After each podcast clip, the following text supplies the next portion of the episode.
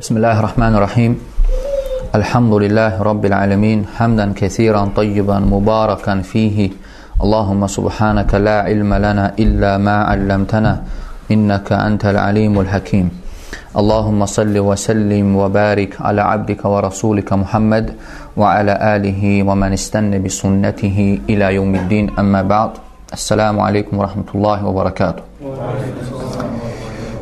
Deməli, qardaşlar, bugün namaz haqqında danışacağıq.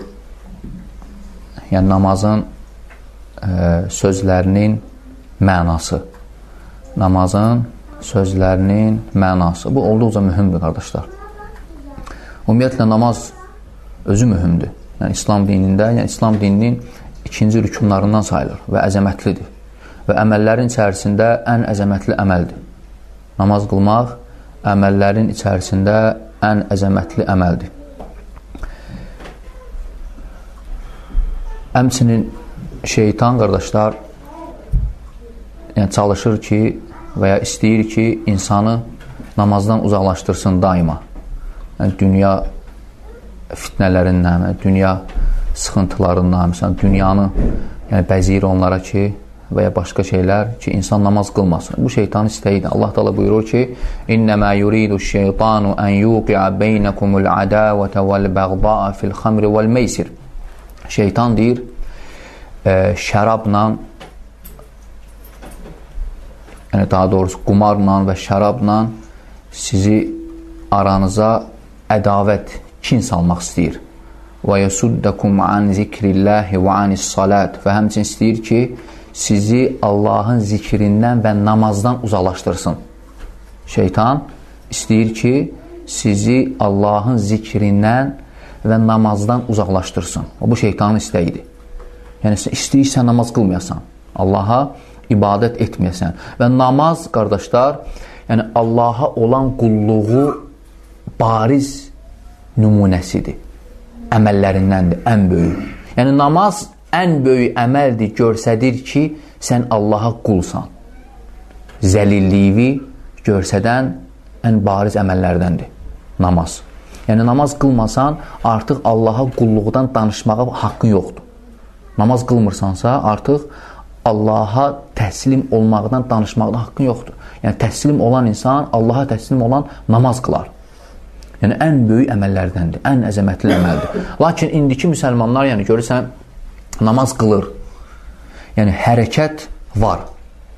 Amma keyfiyyət yoxdur. Yəni, Allah Taala namaz qılın deyəndə, yəni, boş, quru hərəkəti istəmir səndən.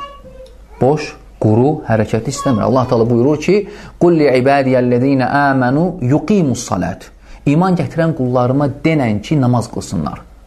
Yəni sən iman gətirmisənsə, namaz qılmalısan. Və həmçinin buyurur ki, "Və aqimus salat" əmr edir Allah Taala öz mübarək kitabında ki, namaz qılın. Lakin namaz nə ilə fayda verir? Namaz xuşu ilə fayda verir. Qiyamət günü namaz xuşu ilə qılınan namaz fayda verəcək Allah qatında.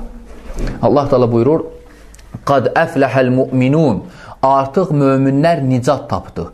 Əllezine hum fi salatihim xaşiun. O möminlər ki, namazlarında xuşuludur. O möminlər ki, namaz, yəni bütün möminlər yox. Yəni hər namaz qılan yox. Hansı namaz qılan? Namazlarında xuşulu, müti olanlar. Yəni bir insan namazın sözlərinin mənasını bilmirsə, orada xuşu əldə edə bilər, edə bilməz. Edə bilməz. Yəni insan ən böyük, yəni xuşu gətirən səbəblərdən ən böyüyü dediyi sözlərin mənasını bilməlidir. Yəni insan dediyi sözlərin, yəni Allahu Akbar kəlməsindən ta qutarana Əssəlamu aleykum və rəhmətullah bu kəlməyə kimi nə deyir, mənasını bilsə, yəni ona xuşu, yəni xuşulu olmağa aparacaq. Yəni, bu böyük səbəbdir. Görürsən, bəzi qardaşlar yəni şikayət edir, mən necə namazı xuşu ilə əldə edim, yəni namazı necə qəlbi oyaq qılım. Soruşsan ki, qardaş, bəs bilirsən sözlərinin mənasını? Deyir, yox. Bilmir. Yəni, bilmirsə, yəni sanki insan bilmir nə deyir. Oxuyur, gündə 5 dəfə qılır, 10 il, 15 il namaz qılır, bilmir nə deyir namazda. Yəni, bu həqiqi yəni, məhrum olmaqdır. Yəni, namaz qılmaq deyəndə boş quru namaz qılmaqdan gelmir söhbət. Ona görə sahabələr deyirdilər, ki, səhv eləmirəmsə İbn Məsud radiyallahu anh deyirdi ki, "Leysə ləkə min salatika illə ma aqalta minha." Namazından sənə qalan hissəsi başa düşdüyün hissəsidir qiyamət günü.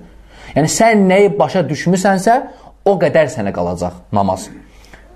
3də 1-i, 4də 1-i, 5də 1-i. Nə qədər oyaq olmusan. Və insan həm də namaz namazın sözlərinin mənasını bilməyəndə artıq şeytan vəsvəsə gətirir insana namazda. Və görürsən, aparır səni, fikirlərini.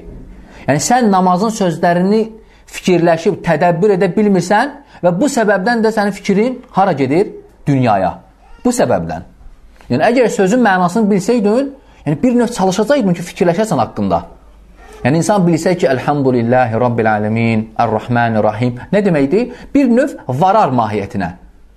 Çalışar ki, üstündə işləsin, fikirləşsin nə deyir. Bilmir, nə deyir? Artıq səbəbdir, aparır səni dünyaya. Nə dediyinizi anlamayana qədər namaza yaxın durmayın. Ayə də var. Hə. Yəni insan ona görə mühümdür sözlərin mənasını bilmək. Və bu gün də istədim, yəni Allah Allahın izni ilə, yəni danışaq namazın sözlərinin mənası, yəni qısa da olsa, yəni inşallah yəni çatdıracağam ki, namazın sözlərinin mənası nədir? İxlasla.com saytı tərəfindən təqdim olundu.